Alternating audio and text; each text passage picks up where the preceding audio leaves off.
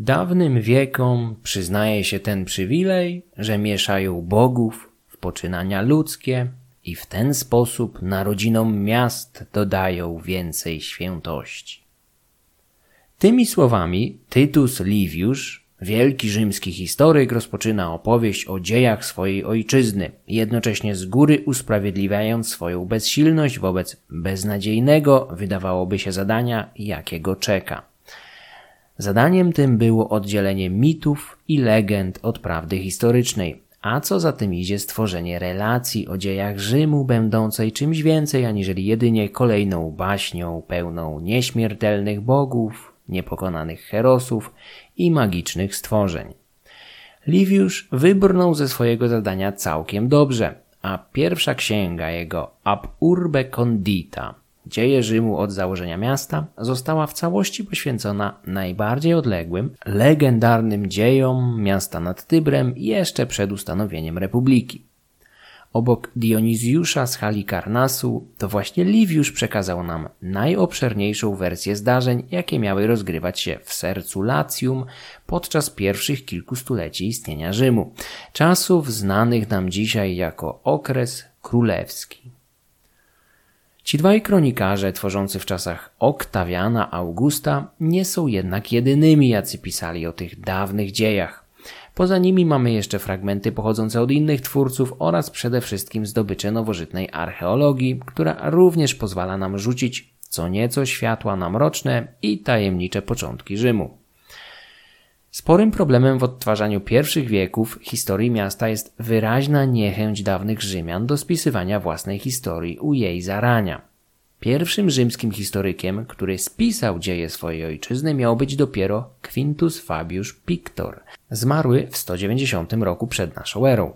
Jego historia Rzymu powstała po grecku tuż po zakończeniu II wojny punickiej, aby zaprezentować rzymski punkt widzenia na historię miasta oraz niedawny konflikt z ojczyzną Hannibala. Nie wiemy o żadnych poważniejszych rzymskich historykach tworzących przed Piktorem. Po nim nastąpiło znaczne ożywienie w tej materii, a kolejne dwa stulecia przyniosły sporo materiału pisanego zarówno w Grece, jak łacinie.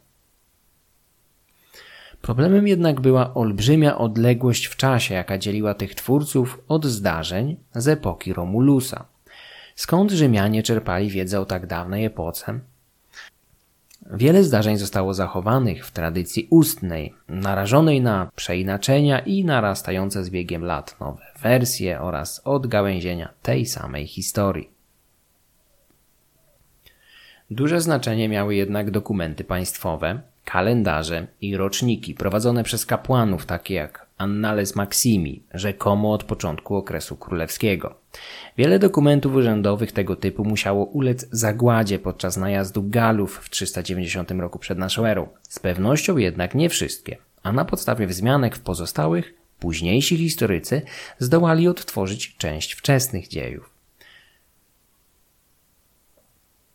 Od późniejszych autorów wiemy, że przetrwały starożytne traktaty, takie jak te podpisane z Kartaginą czy z latyńskim miastem Gabi oraz prawa ryte niejednokrotnie na brązowych tablicach, jak te ze świątyni Diany na Awentynie. Wszystkie pochodzą jeszcze z VI wieku przed naszą erą. Podobnie było z Fasti Consulares, listą najwyższych urzędników prowadzoną od początku republiki.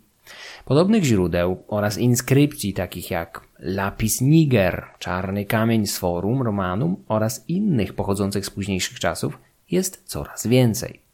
Odtwarzanie wczesnych dziejów Rzymu nie jest więc beznadziejne, zwłaszcza, że oprócz fragmentarycznych i skażonych legendami tekstów pisanych mamy także archeologię. Geografia od zawsze miała olbrzymie znaczenie dla zrozumienia historii. Nie inaczej jest z narodzinami przyszłej śródziemnomorskiej potęgi. Rzym leży w krainie zwanej Lacją, znajdującej się w samym sercu Italii nad Morzem Tyrreńskim.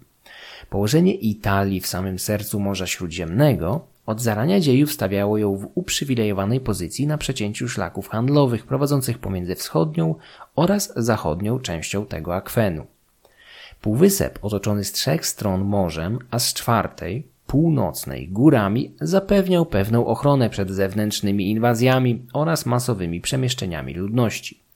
Oczywiście wiemy, że najeźdźcy niejednokrotnie lądowali na italskich brzegach, jak Pyrrhus, bądź przekraczali alpejskie przełęcze, niektórzy nawet prowadząc ze sobą słonie, ale były to stosunkowo nieliczne przypadki. Bardzo długa linia brzegowa półwyspu nie posiadała w przeciwieństwie do chociażby niedalekiej Hellady zbyt wielu spokojnych zatok mogących służyć jako naturalne porty, co utrudniało budowę nadmorskich stoczni oraz przystani dla większych flot. Półwysep przecina pasmo Apeninów, które co prawda nie dorównywały Alpom, ale skutecznie zmniejszały szybkość podróżowania ze wschodu na zachód półwyspu. Do tego wyniesienie większej części tego półwyspu, a co za tym idzie spore przewyższenia, niemal pozbawiły mieszkańców Italii długich, spławnych rzek, ułatwiających transport towarów na dłuższe dystanse. Górzystość Italii bierze swój początek z występowania licznych, obecnie zazwyczaj wygasłych wulkanów. Każdy, kto chociaż raz w życiu słyszał o Pompejach lub Herkulanum, łatwo może wyobrazić sobie, jakie zagrożenie dla ludzi niosła egzystencja na tak niepewnym gruncie. Liczne wulkany ciągnące się od południowej Toskanii aż po Zatokę Neapolitańską dawały jednak w zamian żyzne popioły. Italia może pochwalić się łagodnym klimatem oraz dużym areałem wyjątkowo urodzajnych gleb, które w rejonie Zatoki Neapolitańskiej potrafiły w starożytności dawać plony nawet trzy razy do roku. Spora powierzchnia żyznych ziem, nieporównywalnie większa od tej, jaką dysponowały inne rejony śródziemnomorskie, takie jak choćby Hellada, była jednym z największych atutów półwyspu. W gospodarce opartej na rolnictwie to obfite plony gwarantowały wysoki przyrost populacji, który istotnie przyczynił się do późniejszych, spektakularnych sukcesów Republiki Rzymskiej. Jednym z pierwszych, którzy odczuli na własnej skórze rzymską przewagę demograficzną, był Pyrrhus, król małego, biednego Epiru. Zasoby metali, szczególnie żelaza, miedzi i cyny, niezbędne dla powstania jakiejkolwiek zaawansowanej cywilizacji, nie były już tak hojnie rozdysponowane na półwyspie. Żelazo wydobywano szczególnie na małej wysepce, Elbie, rozsławionej tysiące lat później jako miejsce krótkiego zesłania emerytowanego boga wojny Napoleona Bonaparte. Miedź i cynę wydobywano głównie w dzisiejszej Toskanii, na której terenie znajdowały się kolinne metalifere, czyli góry bogate w metale. Dostęp do tych bogatych złóż metali był jedną z przyczyn szybkiego rozwoju lokalnych kultur epoki żelaza. Pierwszą, istotną z naszego punktu widzenia, była kultura Villanowa, kolejną zaś jej następczyni, kultura etruska. To właśnie słynnym etruskom, zwanym także Tyrrenami oraz Tuskami, zawdzięcza swoją dzisiejszą nazwę Morze Tyrreńskie oraz Toskania. Bogaci, pomysłowi i ekspansywni Etruskowie odegrają olbrzymią rolę w pierwszych wiekach istnienia Rzymu, pozostawiając niezatarte piętno na kulturze pierwszych mieszkańców miasta nad Tybrem. Rzym powstał nad rzeką Tyber, oddzielającą Lacjum od Etrurii. Wulkaniczne popioły z okolicznych gór albańskich zapewniały płytką, urodzajną powłokę, pozwalającą na rozwój wydajnego rolnictwa. Bez nich byłoby to niemożliwe, gdyż pod tą cienką warstwą żyznej gleby znajdowały się jałowe gliny przykryte wulkanicznymi popiołami, nie straciły zupełnie swoich właściwości. Gliniaste podłoże utrudniało wsiąkanie wody, co zaowocowało powstawaniem licznych bagien i mokradeł, szczególnie w terenach nisko położonych, a takimi były obszary otaczające kilka niewysokich wzgórz w zakolu Tybru, na jakich miał powstać przyszły Rzym.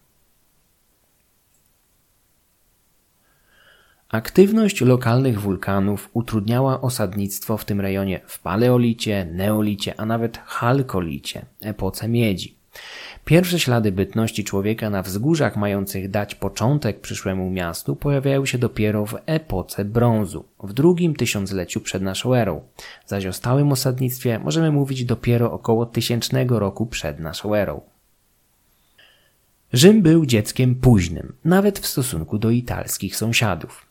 Gdy kupcy epoki brązu z Myken i Cypru lądowali już u brzegów Sardynii i zachodniej Italii podczas rutynowych misji handlowych, żaden z nich nie zaglądał do nadtybrzańskiego zakola, a przynajmniej po żadnym z nich nie znaleziono śladów w postaci egejskiej ceramiki, odkrywanej gdzieniegdzie nad Morzem Tyrreńskim. Serce przyszłego miasta biło w miejscu posiadającym właściwości, które musiały zapewnić przyszłej osadzie pewne znaczenie. Przede wszystkim wzgórza wznoszące się nad podmokłą doliną zapewniały zamieszkującym pewien stopień bezpieczeństwa oraz szansę obserwacji otoczenia. Podmokłe doliny oddzielające wzgórza spełniały rolę obronną przez sporą część roku, a w pozostałej były żyznymi pastwiskami dla bydła, w zakolu rzeki jej prąd zwalniał, a nanoszone przez nią osady utworzyły istniejącą do dzisiaj wyspę Tyberyjską. W tym miejscu znajdował się również brud, umożliwiający najłatwiejszą przeprawę przez wezbraną rzekę. Tyber bywał niebezpieczny, zwłaszcza wczesną wiosną, gdy jego nurt zalewał pobliskie niziny, na których dzisiaj znajduje się choćby Forum Romanum. Porywał także ludzi. Liviusz twierdził, że rzeka zawdzięczała swoją nazwę Tyberinusowi, jednemu z potomków legendarnego herosa Eneasza, który nieszczęśliwie utonął w jej nurcie, choć prywatnie myślę, że jest to późniejsza tradycja. W okolicach Wyspy Tyberyjskiej przekraczano więc wezbraną rzekę korzystając ze spokojnego nurtu. Tutaj prawdopodobnie budowano także pierwsze drewniane mosty, tak szalenie istotne dla utrzymania szlaku handlowego oraz dobrobytu późniejszego miasta. Most na Tybrze, jego budowa oraz nadzór nad nim musiał być wyjątkowo istotny. Jego utrzymanie i naprawy spoczywały w rękach rzymskiego kolegium pontyfików. Zerwanie mostu zawsze uważane było za wyjątkowo zły omen. Tylko to tłumaczy, dlaczego późniejszy najwyższy kapłan Królestwa, Republiki i Cesarstwa nosił tytuł Pontifex Maximus, czyli dosłownie wielki budowniczy mostów. Urząd Pontifexa Maximusa nie skończył się wraz ze zgaśnięciem religii pogańskiej czy detronizacją ostatniego cesarza. Do dzisiaj noszą go bowiem biskupi Rzymu, papieże. Wspomnienie o znaczeniu dawnej, strategicznie istotnej przeprawy na Tybrze przetrwało w jednym z ich tytułów. Tyber był rzeką istotną ze względu na wymianę handlową w centralnej Italii ze szczególnym uwzględnieniem transportu soli. Niedaleko ujścia rzeki znajdowały się bogate saliny, tak zwane campus salinarum, w których pozyskiwano sól kamienną poprzez odparowywanie wody z solanek. Saliny te były odpowiedzialne za zaopatrzenie w sól dużych połaci centralnej Italii, szczególnie zaś plemion Sabinów żyjących w głębi półwyspu. Rzym leżał na początku starożytnej Via Salaria, solnej drogi prowadzącej od nadtybrzańskich Solanek aż do przeciwległego wybrzeża Półwyspu Apenińskiego, gdzie obecnie leży Ancona. Sól dzisiaj może wydawać się nam jako produkt powszechny, wyjątkowo łatwo dostępny do tego używany jedynie w kuchni jako przyprawa. Niegdyś jednak sól była towarem o znaczeniu strategicznym. W społeczeństwach nieznających prądu, lodówek i zamrażarek wykorzystywano ją również jako środek konserwujący żywność.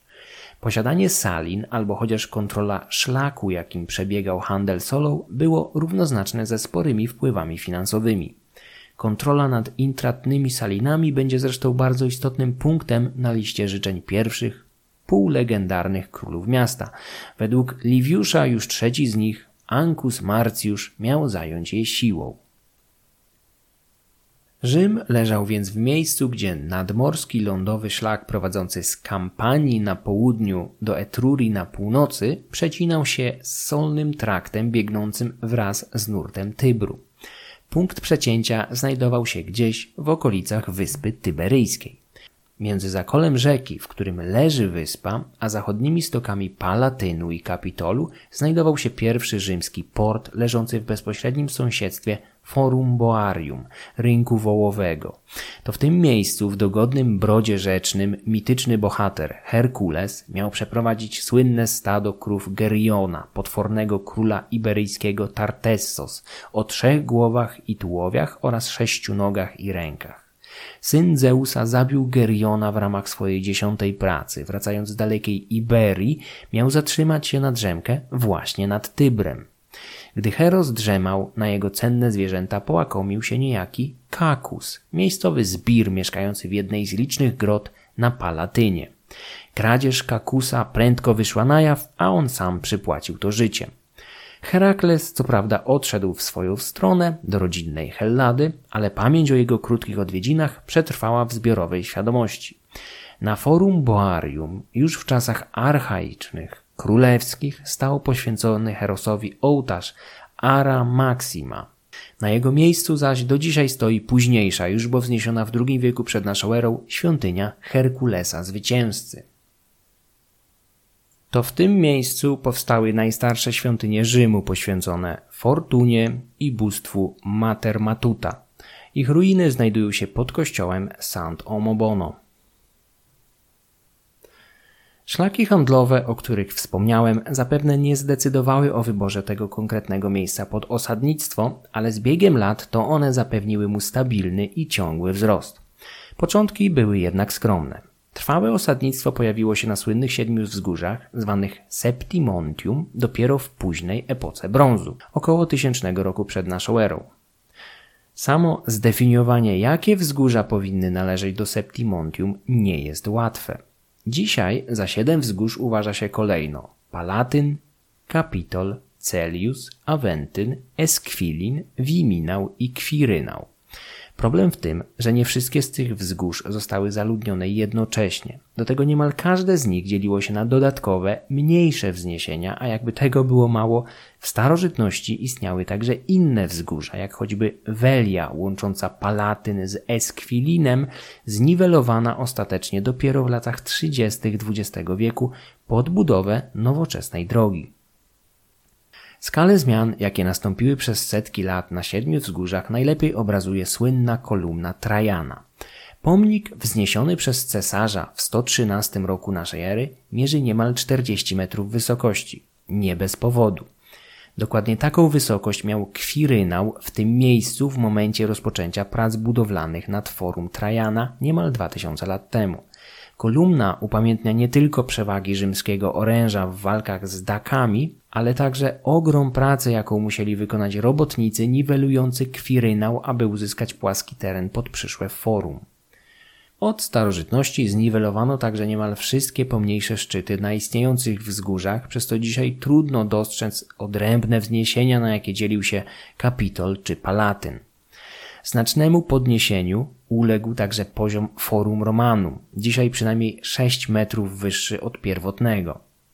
Za starożytne siedem wzgórz, Septimontium uważa się więc trzy pierwotne szczyty Palatynu, Cermalus, Palatinum, Velia, trzy szczyty Esquilinu, Oppius, Cispius, Fagutal oraz wzgórze Celius.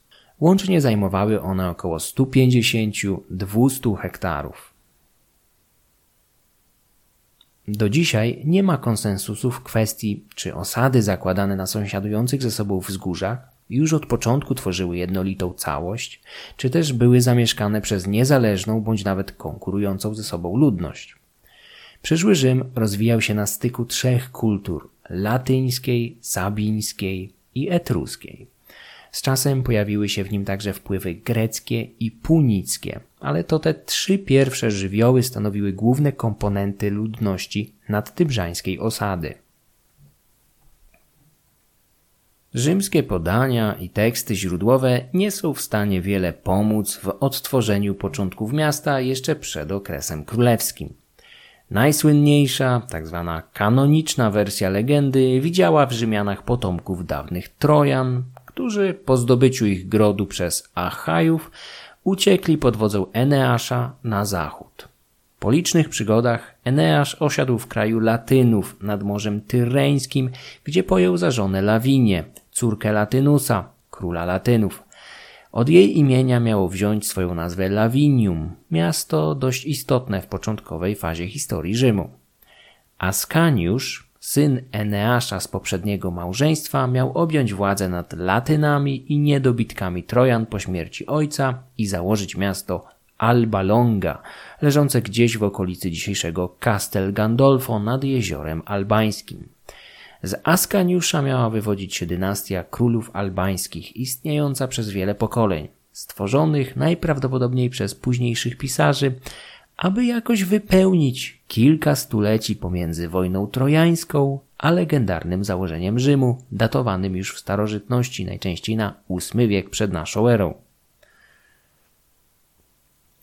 Po wielu kolejnych pokoleniach na tronie albańskim miał zasiąść Numitor, ale został wygnany przez swojego brata Amuliusza. Uzurpator pragnął zachować władzę nad Alba Longą za wszelką cenę. W tym celu uwięził nawet córkę Numitora, Reesylwię, zmuszając ją do stania się Westalką, kapłanką bogini Westy. Westalki były zobowiązane do zachowania ślubów czystości, co zdaniem Amuliusza wykluczało ryzyko posiadania dzieci przez Re. Los chciał jednak inaczej, kobietę bowiem zapłodnił sam bóg wojny, Mars, najprawdopodobniej poprzez gwałt. Rea została oskarżona o złamanie ślubów czystości i zakopana żywcem, zaś dzieci porzucono w wiklinowym koszyku na mokradłach, gdzieś w zakolu Tybru. Tutaj miał przypadkowo znaleźć je miejscowy pasterz, który zabrał chłopców do swojej chaty, gdzie wychował ich razem ze swoją żoną Laurencją. Oczywiście istnieje też wersja z wilczycą, która miała wykarmić niemowlęta porzucone na bagnie u stóp Palatynu w swojej grocie, zwanej później Luperkalem. Liviusz próbował zdroworozsądkowo wytłumaczyć odmienne tradycje, przypisując Laurencji zawód prostytutki, czyli lupy, jak zwali nierządnice Rzymianie. Stąd zresztą do dzisiaj mamy lupanary. Zdaniem dziejopisa przyszli herosi zawdzięczali swoje ocalenie właśnie dobrodusznej prostytutce, którą później przez podobieństwo słów uznano za wilczycę. Wiemy, że chłopcy dorośli i zdołali odzyskać swoje dziedzictwo, zabijając po drodze okrutnego Amuliusza i pozwalając dziadkowi Numitorowi na powrót z wygnania do Alby Longi. Sami mieli założyć własne miasto w miejscu, gdzie zostali uratowani, czyli pod wzgórzem znanym dzisiaj jako Palatyn. Nazwa wzgórza pochodzenia zapewne praindoeuropejskiego była niezrozumiała już dla starożytnych Rzymian, podobnie jak wiele innych lokalnych nazw, które starali się wywodzić metodą ludowej etymologii od jakichś legendarnych herosów. Tradycja zanotowana przez Liviusza jest jedynie jedną z niemal dwudziestu wersji mitu, jakie dotrwały do naszych czasów. Najczęstszym założycielem Rzymu jest w nich oczywiście Romulus, będący synem Marsa, Eneasza, Askaniusza, Jupitera, Telemacha, Latynusa bądź innych postaci.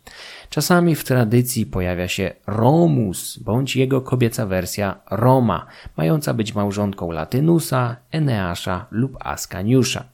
Dionizjusz i Plutarch podawali także inne wersje, wśród nich taką, wedle której Rzym założyli wspólnie Eneasz z Odyseuszem, nazywając miasto od imienia trojańskiej kobiety. W innych tradycjach miasto założyli bliżej niesprecyzowani Achajowie bądź archaiczni Pelazgowie. Pojawiają się także Arkadyjczycy z legendarnym Ewanderem, helleńskim herosem, który miał osiedlić się na stokach Palatynu i tam nauczyć miejscowych Latynów, pisma i muzyki. W legendarnym Ewanderze Latynowie mogli przechowywać wspomnienie o tym, w jaki sposób albo od kogo poznali pismo. Alfabet łaciński był stosunkowo późnym wynalazkiem, znacznie starszym od pisma greckiego, które za pośrednictwem Etrusków miało trafić do mieszkańców Lacjum. Dzisiaj coraz częściej przypisuje się mieszkańcom greckiej wyspy Eubei zasługi przyniesienia pisma do Italii. Wszystko to ze względu na znaleziska potwierdzające w Italii dużą aktywność handlową i osadniczą właśnie Eubejczyków, jeszcze zanim ich śladem poszli inni Helenowie jak Fokejczycy, założyciele Masali, dzisiejszej Marsylii. Uboga, skalista Hellada wypychała tych, których nie mogła wyżywić, a Italia była jednym z głównych celów ich ekspansji. Jeszcze przed 770 rokiem przed naszą erą powstała grecka kolonia w Pitekusai, na wyspie w pobliżu Zatoki Neapolitańskiej. Po niej przyszły kolejne. Pierwsze ślady wymiany handlowej z Hellenami w Rzymie datuje się na VII wiek przed naszą erą. Grecką ceramikę odkryto oczywiście na terenie Forum Boarium, pierwszego portu i zarazem rzymskiego okna na świat. Grecy nie byli jedynymi, którzy przybijali do portu przy Forum Boarium. W okresie królewskim pojawiali się tam również żeglarze feniccy, w tym Kartagińczycy. Gwałtowna ekspansja Imperium Asyryjskiego na Bliskim Wschodzie skończyła się uzależnieniem miast fenickich od królów Niniwy i Aszur. Przed Fenicjanami otworzyły się olbrzymie możliwości oferowane przez chłonny i rozległy rynek azjatyckiego imperium, którego częścią teraz byli. Chęć zakładania własnych, niezależnych kolonii oraz zdobycia cennych towarów, które można było sprzedać potem z wielkim zyskiem na Bliskim Wschodzie, skłoniła Fenicjan do kolonizacji Morza Śródziemnego, głównie na jego najdalszych, zachodnich wybrzeżach, gdzie nie musieli obawiać się silnej konkurencji ze strony Greków.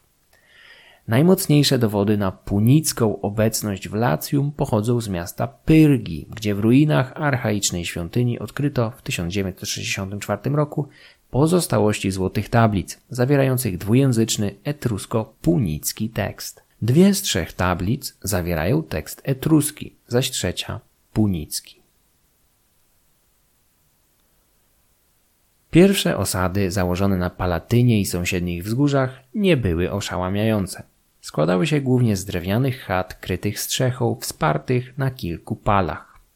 Ściany mogły być dodatkowo pokryte gliną. Domostwa takie, chociaż skromne, były przy tym całkiem solidne, a przy uwzględnieniu sporadycznych napraw mogły spokojnie służyć nawet przez kilka pokoleń. Na zachodnim stoku Palatynu odkryto ślady po palach stanowiących szkielet takich chat z okresu Villanowa, poprzedzającego ekspansję Etrusków, czyli z VIII-IX wieku przed naszą erą. Podobno jeszcze w czasach Oktawiana Augusta na Palatynie istniała taka archaiczna chatka, którą uważano za dom samego Romulusa. Ludność w okresie Wildanowa zamieszkiwała głównie szczyty i zbocza lokalnych wzgórz, zaś podmokłe niziny wykorzystywano do wypasu bydła lub pochówków. Większą część naszej wiedzy o ludziach z tamtego okresu czerpiemy właśnie dzięki eksploracji pochówków ze zboczy Esquilinu, Palatynu czy z obszaru dzisiejszego forum. To właśnie na forum po zdjęciu 28 warstw o głębokości około 6 metrów, jakie powstały od czasów Romulusa do cesarstwa, archeolodzy natrafili na ślady dawnych cmentarzy. Charakterystyczną cechą grobów kultury Villanowa były gliniane dzbany, do wnętrza których wkładano urny, niejednokrotnie w kształcie miniaturowej chaty. To na podstawie tych właśnie urn możemy całkiem dokładnie rekonstruować wygląd domów pierwszych Rzymian. Urny czasami były dodatkowo przykrywane hełmami.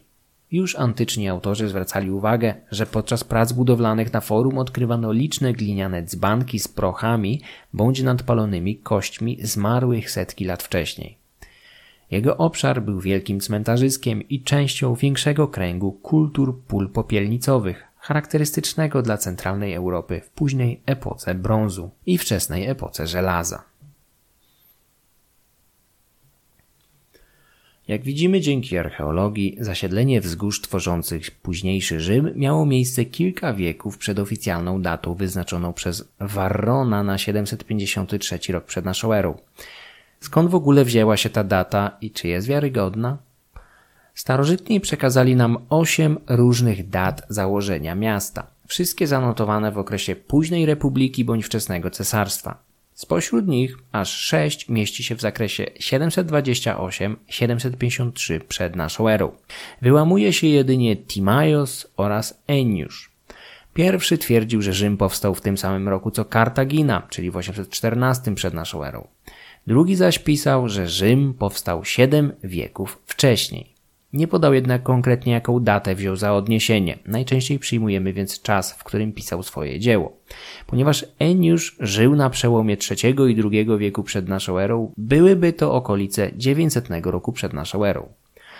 Pozostałe źródła Varron, Katon, Polibiusz, Fabiusz Pictor, Lucius Cyncjusz Alimentus oraz Fasti ustalają założenie miasta w widełkach mających zaledwie 25 lat rozpiętości.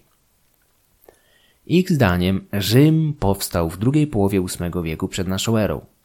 Data ta nie mogła więc oznaczać początku osadnictwa na wzgórzach, jak chciałyby przekazy mitologiczne, ale coś innego.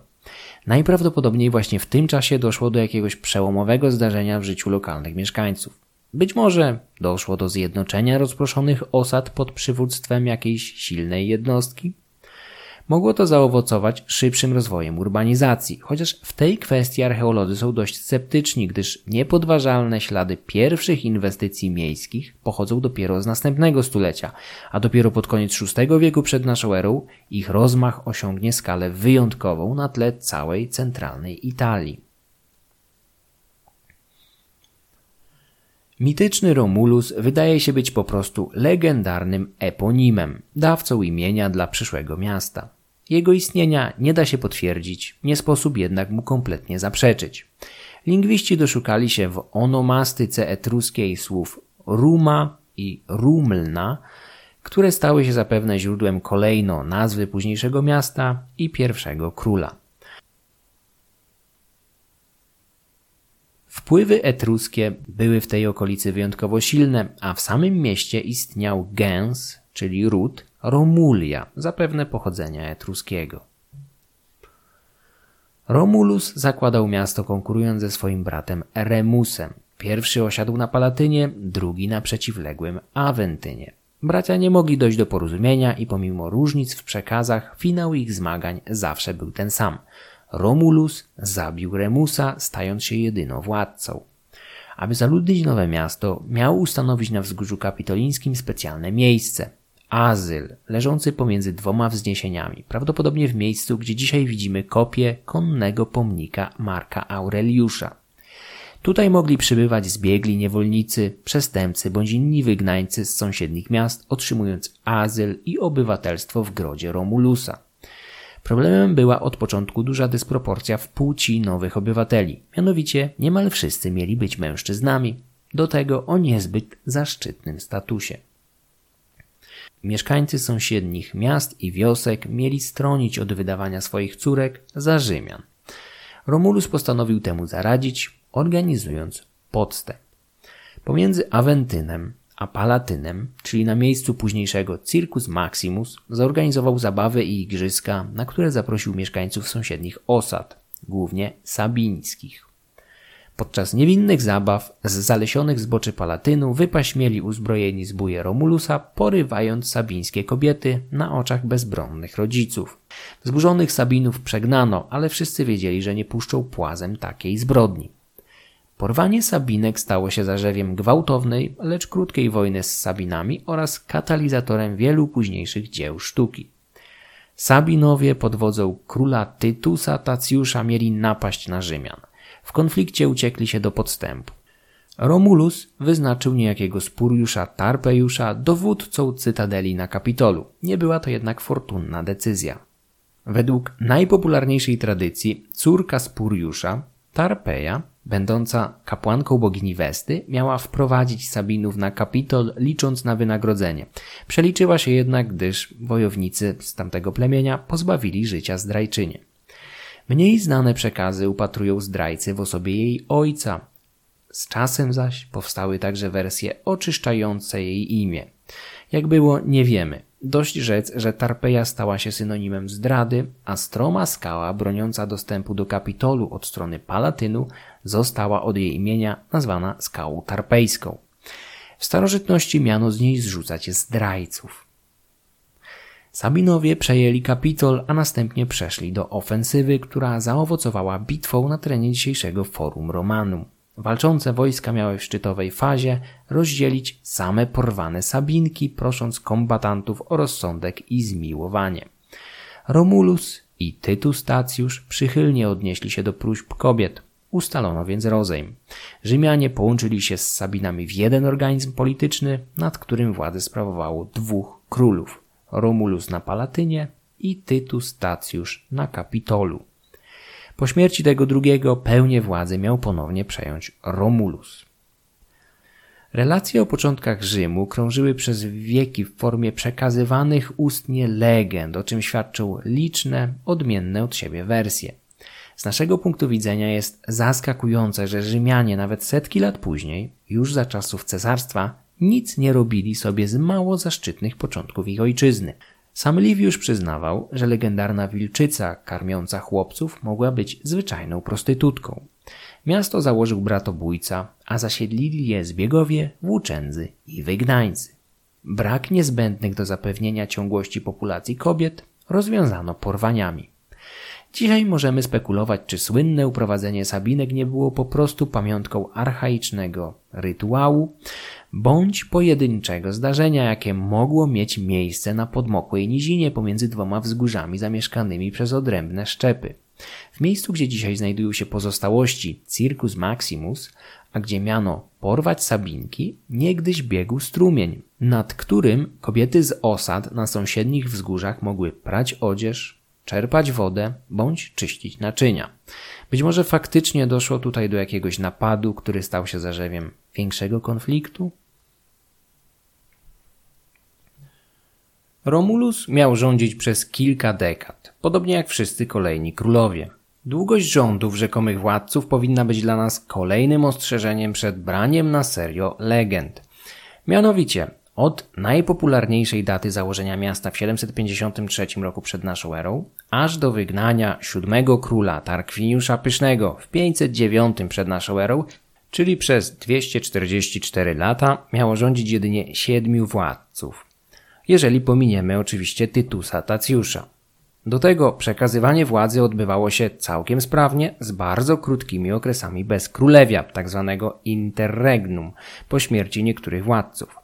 Na każdego króla więc przypadało niecałe 35 lat, co w teorii jest możliwe, ale w praktyce bardzo mało prawdopodobne. Nawet bardzo stabilne monarchie, takie jak brytyjska w ostatnich 200 latach, nie mogły pochwalić się tak wysoką średnią. Od 1820 do 2022 na brytyjskim tronie zasiadało ośmiu monarchów rządzących łącznie 203 lata, co dawało zaledwie 25 lat na każdego z nich. Mówimy tutaj o stabilnym imperium, przynajmniej przez większą część tego czasu, które niemalże nie toczyło wojen na swoim rdzennym terytorium. Mówimy także o czasach, w których średnia długość życia była znacznie wyższa, aniżeli miało to miejsce u zarania epoki żelaza. Długowieczność Wiktorii czy Elżbiety II była mało prawdopodobna w czasach Romulusa. Lata panowania poszczególnych rzymskich królów zostały najpewniej z pełną premedytacją wymyślone później, tak że każdy z nich rządził niemal tyle samo co poprzednik. Niewątpliwie zapomniano bądź wymazano z pamięci mniej istotnych władców bądź okresy chaosu i bezkrólewia, tak normalne w społeczeństwach na tym poziomie rozwoju. Wspomniałem, że najazd Galów i złupienie miasta w 390 przed naszą erą mógł przynieść zniszczenie i utratę starszych dokumentów. Późniejsi historycy odtwarzali informacje ze szczątków i pamięci przekazywanej ustnie, a ta z pewnością była bardzo wybiórcza. Romulus miał być twórcą praw oraz wielu instytucji wczesnego Rzymu. To on miał sobie wybrać do pomocy radę składającą się ze stu najstarszych i najważniejszych mężczyzn będących głowami istotnych rodów. Utworzyli oni senat, czyli zgromadzenie starszych, od łacińskiego słowa senex, starzec, czyli taką geruzję. Ludzie ci tytułowani byli ojcami, czyli patres, z czasem ich potomkowie utworzą tak zwany patrycjat. Nie wiemy praktycznie nic pewnego o roli pierwszych senatorów, poza tym, że posądzano ich o zamordowanie Romulusa. Pierwszy król Rzymu miał według najpopularniejszej tradycji zostać zabrany przez bogów do nieba podczas przeglądu wojska na polu marsowym, czyli na błoniach na północ od siedmiu wzgórz. Nawet Liviusz jednak przyznaje, że o zabicie władcy podejrzewano senatorów, którzy mieliby rozerwać go na strzępy, a ciało schować przed współobywatelami. Roztrząsanie, która wersja jest prawdziwsza, jest pozbawione sensu z racji mitycznego charakteru samego założyciela miasta. Królewski tytuł Romulusa, Rex, jest podobnie jak nazwa przypisanego mu wzgórza, Palatium, pochodzenia proto-indoeuropejskiego. Idea rzymskiego króla mogła być więc pochodzenia autochtonicznego, nie zaś etruskiego, jak w przypadku wielu innych rozwiązań. Najstarsza znana nam pisana wzmianka o królu wyryta została na tak zwanym czarnym kamieniu, lapis niger na forum Romanum. Tekst inskrypcji pochodzący z około 570-550 przed naszą erą wspomina o obowiązkach religijnych króla. Rex. Trzeba tutaj jednak zaznaczyć, że nie wiadomo, czy nie chodzi tutaj o kompetencje kapłana noszącego tytuł Rex Sacrorum, chociaż z drugiej strony kapłan taki nie powinien jeszcze istnieć w okresie królewskim. Z czasów Romulusa pochodzi fragment tajemniczego wału usypanego na stoku Palatynu, pod którym odkryto szczątki kilku osób, prawdopodobnie ofiary zakładzinowe, choć nie ma co do tego pewności. Wał był o tyle tajemniczy, że nie przedstawiał żadnych właściwości obronnych, więc nie wiemy dlaczego powstał. Pierwszy król Rzymu miał także podzielić całą jego ludność na trzy plemiona, tribus, a każde z nich na dziesięć kurii. Ten drugi termin, wywodzący się najpewniej ze starołacińskiego coviria, czyli zgromadzenie mężów, zrobił większą karierę. Kurie utworzono w miejsce dotychczasowych zgromadzeń męskich członków lokalnych społeczności. Również miejsca, w których gromadził się senat, nazwano kuriami, jak Curia Hostilia czy Curia Julia. Następcą Romulusa został Numa Pompiliusz, z pochodzenia Sabin z miasta Kures. Władzę zawdzięczał zapewne małżeństwu Stacją, córką Tytusa Tacjusza, króla Sabinów. Według tradycji Numa miał zostać w 715 przed naszą erą, po trwającym rok okresie bezkrólewia, wybrany przez senatorów pragnących odsunąć od siebie zarzut pozbawienia życia Romulusa celem przejęcia władzy w mieście. Drugi król Rzymu jest postacią równie jednowymiarową jak jego poprzednik, z tym, że Numa miał być kryształowo czysty, religijny i pokojowo nastawiony do sąsiadów. To za jego rządów ustanowiono państwowy kult bogów, powstał dwunastomiesięczny kalendarz, podzielono dni na robocze i świąteczne. Numa miał wnieść spokój i dostojność do miasta żyjącego dotychczas z ciągłych walk i rozbojów. Był królem pokoju, podczas gdy jego poprzednik, Romulus, był władcą wojny. Podobnie było z następcą Numy, Tullusem Hostiliuszem. Trzeci król Rzymu jest postacią równie nieskomplikowaną jak jego poprzednicy. Tullus miał być kompletnym przeciwieństwem Numy. W swojej wojowniczości prześcignął jednak również Romulusa. Jego niemal trzydziestoletnie rządy miały upłynąć pod znakiem ciągłych wojen, niemal zawsze zwycięskich. Liviusz przypisuje Tullusowi, zapewne niesłusznie, ostateczne pokonanie i zdobycie miasta Alba Longa, tego samego, z którego mieli wywodzić się założyciele Rzymu. Według tradycji starcie między wojskiem Rzymian oraz Albańczyków dla oszczędzenia rozlewu krwi rozstrzygnięto poprzez nietypowy pojedynek. W obu armiach znaleziono po trzech braci: Horacjuszy u Rzymian i Kuriacjuszy w wojsku Alby. Dramatyczną walkę rozstrzygnęli na swoją korzyść Rzymianie.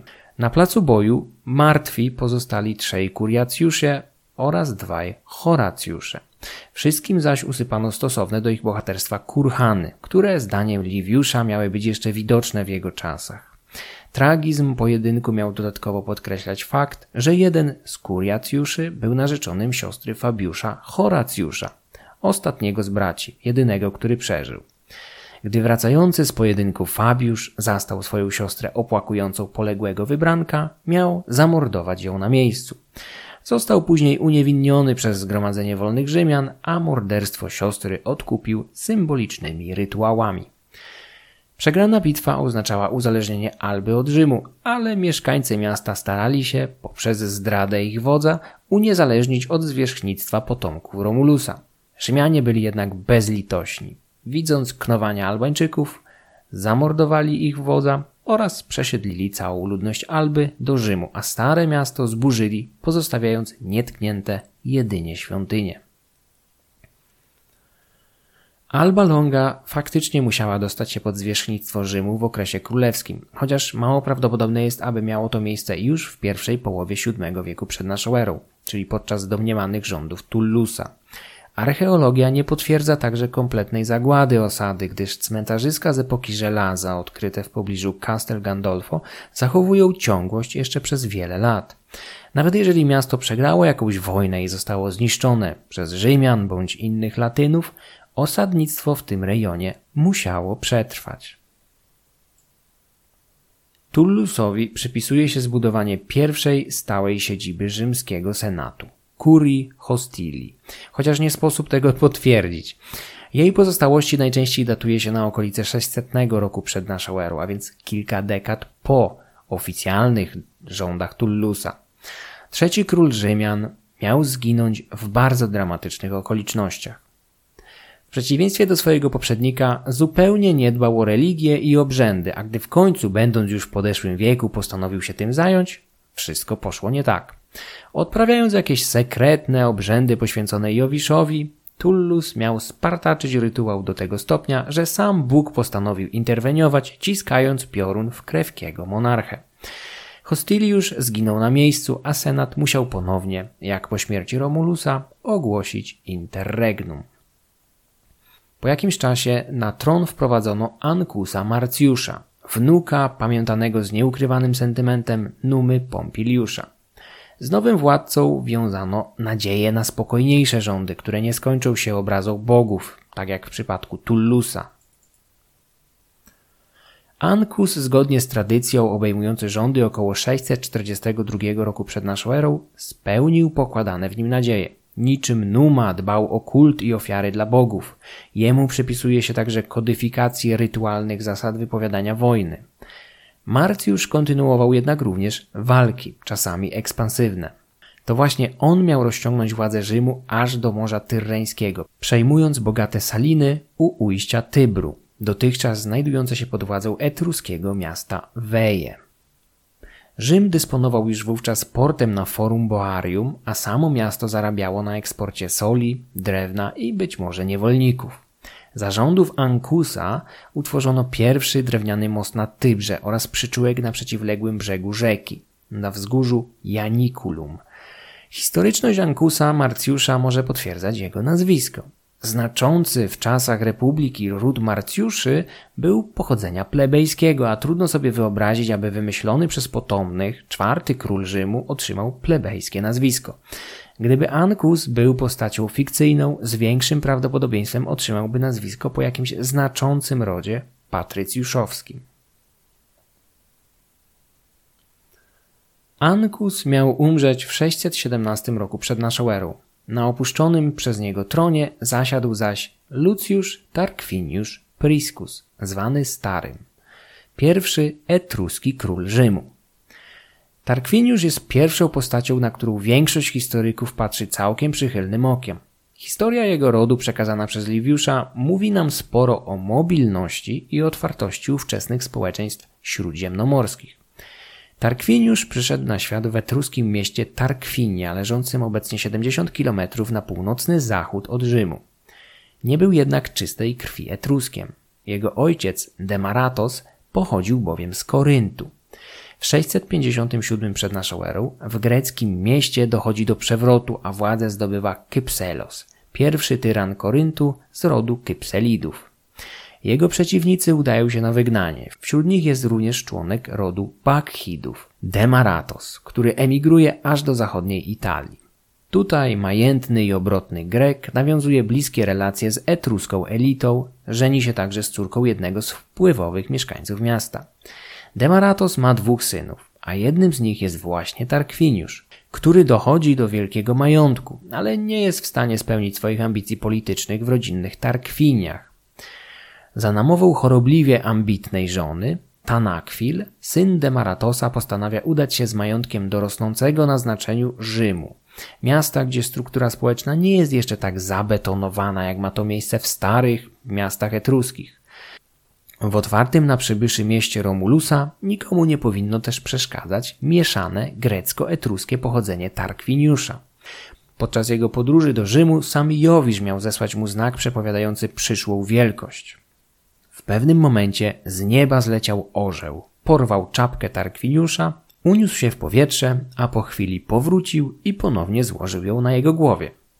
Małżonka przyszłego króla, Tanakwil, doskonale znała się na wróżbach, znakach i omenach, co było nieodłącznym elementem wykształcenia kobiet etruskich. Odczytała wyrocznie jako spełnienie marzeń o wielkości swojego męża. W Rzymie obrotny i elokwentny Tarkwiniusz prędko wkradł się w łaski starego Ankusa Marcjusza, który wyznaczył go jako opiekuna swoich niepełnoletnich synów. Po śmierci Ankusa Tarkwiniusz postanowił wykorzystać swoją pozycję i zdołał przekonać senatorów, aby to jego mianowali nowym królem z pominięciem młodocianych synów Ankusa. Od razu po wyborze oparł się na mniej znanych rodach oraz masach jako opozycji dla starych elit. Miał dodać do istniejącego senatu kolejnych stu członków. Wśród nich był nawet jakiś przodek Oktawiana Augusta i zarazem pierwszy senator z rodu Oktawiuszy. Tarkwiniusz miał rządzić przez 38 lat, od 616 do 578 roku przed naszą erą. To właśnie na ten czas przypadają ślady przyspieszonej urbanizacji Rzymu, będącej efektem zwiększenia wpływów etruskich sąsiadów. W materiale archeologicznym pojawiają się chociażby dachówki z terakoty, zastępujące tak powszechne wcześniej dachy kryte strzechą. Etruskowie wchodzili wówczas w okres największej świetności i ekspansji, która miała rozciągnąć ich domeny od niziny padańskiej na północy aż po kampanię na południu. Nigdy nie istniało coś na kształt scentralizowanego etruskiego imperium. Cała ich cywilizacja była zaś konglomeratem kilkunastu silnych miast państw, które mogły działać razem niczym federacja, bądź walczyć między sobą. VI wiek przed naszą erą będzie świadkiem licznych wojen, jakie Etruskowie będą prowadzić w Italii z rosnącymi w siłę Grekami oraz Fenicjanami. Efektem ekspansji i zwycięstw Etrusków będzie opanowanie m.in. Rzymu, które w tradycji pisanej ma bardzo pokojową formę. Według Liviusza Tarquiniusz został obwołany królem przez rzymski senat. Rzeczywistość mogła jednak wyglądać inaczej, o czym najlepiej będzie świadczyć historia szóstego króla Serwiusza Tulliusza, do którego dojdziemy już wkrótce. Liviusz wspomina, że pierwsze imię Tarquiniusza brzmiało Lucumo, co jest oczywiście błędem, gdyż słowo to w języku etruskim oznaczało po prostu króla. Liviusz zapewne nie znał języka etruskiego, który zresztą w jego czasach był już praktycznie martwy, stąd pomylił tytuł z imieniem. Sam język etruski, mocno różniący się od łaciny i nie należący do rodziny indoeuropejskiej, był dla starożytnych Rzymian trudnym orzechem do zgryzienia i tylko nieliczni z nich, jak na przykład cesarz Klaudiusz, zdołali go opanować. W tym miejscu dodam od siebie krótką dygresję. Oczywiście, na przekór popularnym mitom, jakie znajdziecie w sieci, a szczególnie na YouTube, Etruskowie nie byli Słowianami. Nie byli nimi także Hunowie, Wandalowie ani Goci. Choć dla niektórych komentujących może być to zaskakujące, ale Aztekowie czy Majowie także Słowianami nie byli. Trzeba znaleźć inne sposoby na podnoszenie samooceny, aniżeli robienie z Etrusków Słowian. Opanowanie Rzymu przez sąsiadów z północy zaowocowało olbrzymimi zmianami w mieście. Etruskie miasta państwa były rządzone przez dynastie królewskie, wyróżniające się szczególną symboliką, która przeniknęła i na trwałe zagościła w rzymskiej tradycji. Etruskiego króla otaczał przepych i wyszukany ceremoniał. Zasiadał na tronie z kości słoniowej, nosił purpurową togę, koronę ze złota, a w ręce dzierżył perło z orłem. Otaczała go gwardia przyboczna składająca się z dwunastu liktorów, niosących topory otoczone pękiem rusk. Symbolizowały one królewskie uprawnienia do karania, nie tylko chłostą, ale i śmiercią. Już Liviusz uzasadniał istnienie liktorów wpływami etruskimi, zaś ich liczba miała symbolizować dwanaście najpotężniejszych miast państw tego ludu. Tradycja, jakoby wprowadził ich już Romulus, wydaje się wątpliwa, chociaż nie można wykluczyć, że już pierwsi władcy Rzymu, panujący jeszcze przed Tarkwiniuszami, wzorowali się na silniejszych sąsiadach z północy. Duża część symboliki zapożyczonej od Etrusków przetrwała nawet po wygnaniu ich dynastii. Liktorzy towarzyszyli rzymskim dyktatorom, konsulom, cesarzom oraz innym wyższym urzędnikom. Senatorowie nosili togi obramowane purpurą, a krzesła kurulne, czyli niskie siedziska bez oparcia, trzymające się na czterech nożycowato skrzyżowanych nogach, tak charakterystyczne dla Rzymian, stały się nieodzownymi insygniami władzy. W Republice takie krzesła przysługiwały jedynie wyższym, wybieralnym urzędnikom. Obecność Etrusków to także przyspieszona urbanizacja miasta. Przede wszystkim podniesiono poziom Forum Romanum, chociaż do dzisiaj trwa dyskusja, kiedy miało miejsce jego pierwsze wybrukowanie. Wśród 28 warstw osadów nanoszonych stopniowo od wczesnej epoki żelaza aż do czasów cesarskich, wszyscy archeolodzy dostrzegają trzy będące śladami kładzenia twardszej nawierzchni, później może nawet bruku. Najstarsze ślady utwardzania forum pochodzą z końca VII wieku przed naszą erą, ale jest jeszcze jedna, starsza o być może cały wiek warstwa, w której niektórzy badacze chcieliby widzieć jeszcze starszy ślad położenia twardszej nawierzchni na przyszłym forum. Wśród nich jest profesor Guy Bradley, którego książka o początkach Rzymu Early Rome to 290 BC była jedną z kilku, do jakich zaglądałem. Jej przewaga nad pozostałymi leży w aktualności, ponieważ wydana została całkiem niedawno i podsumowuje najnowsze osiągnięcia archeologów na polu badania wczesnej historii Rzymu. Uwzględnienie tej starszej warstwy stanowiłoby niezbity dowód na tworzenie miejsca zgromadzeń już na przełomie VIII i VII wieku przed naszą erą. Nie ma jednak powszechnej zgody co do charakteru tej warstwy. Warto jednak zauważyć, że jest czwartą w kolejności ze wspomnianych 28 sztucznych warstw usypanych rękoma ludzi. Podnoszenie poziomu niziny, która miała zamienić się w przyszłości w Forum Romanum, zaczęło się jeszcze przed przybyciem Tarkwiniuszy. Wykopaliska archeologiczne w sercu Rzymu są wyjątkowo trudne ze względu na ilość późniejszych zabytków oraz budowli, których nie można po prostu przesunąć. Stąd badacze muszą co jakiś czas przekopać jedynie fragment Forum Boarium, Palatynu czy Forum Romanum. Dużo łatwiej pracuje się w tych ze starożytnych miast, które miały mniej oszałamiającą karierę od Rzymu, albo zostały zniszczone w starożytności i już nigdy się nie podniosły. Na podnoszeniu i utwardzaniu nawierzchni forum oraz innych mokradeł pomiędzy wzgórzami miasta się nie skończyło. Wylewający Tyber stanowił od zawsze spore zagrożenie dla tych nisko położonych terenów. Nie bez znaczenia były również strumyki biegnące z sąsiednich wzgórz i łączące się w miejscach takich jak Forum Romanum. Podczas etruskiego okresu historii Rzymu dokonano fachowych prac melioracyjnych oraz inżynieryjnych, które na stałe odwróciły ryzyko podtopienia tych obszarów. Szczytowym osiągnięciem Etrusków była budowa słynnej Cloaca Maxima, głównego kanału ściekowego w starożytnym Rzymie, w pewnym stopniu używanego przez miasto jeszcze dzisiaj. Jej ujście do Tybru można ciągle oglądać tuż obok mostu Ponte Palatino, Budowa kloaka Maxima jest przypisywana ostatniemu etruskiemu władcy, Tarkwiniuszowi Pysznemu, o którym będę jeszcze mówił. Wszystkie te prace wymagały dużego nakładu środków, a przede wszystkim zaangażowania licznych rąk do ciężkiej charówki, którą ktoś musiał kierować. Są to wyraźne dowody na istnienie silnej, scentralizowanej władzy w okresie etruskim.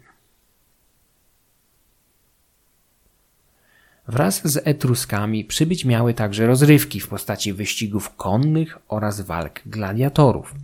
Tarkwiniusz Stary miał zbudować między Palatynem a Aventynem pierwszy drewniany cyrk. Słynny Circus Maximus, który po licznych przeróbkach na przestrzeni kolejnych stuleci w okresie cesarstwa będzie mógł pomieścić co najmniej ćwierć miliona widzów, a więc sporą część mieszkańców ówczesnej metropolii.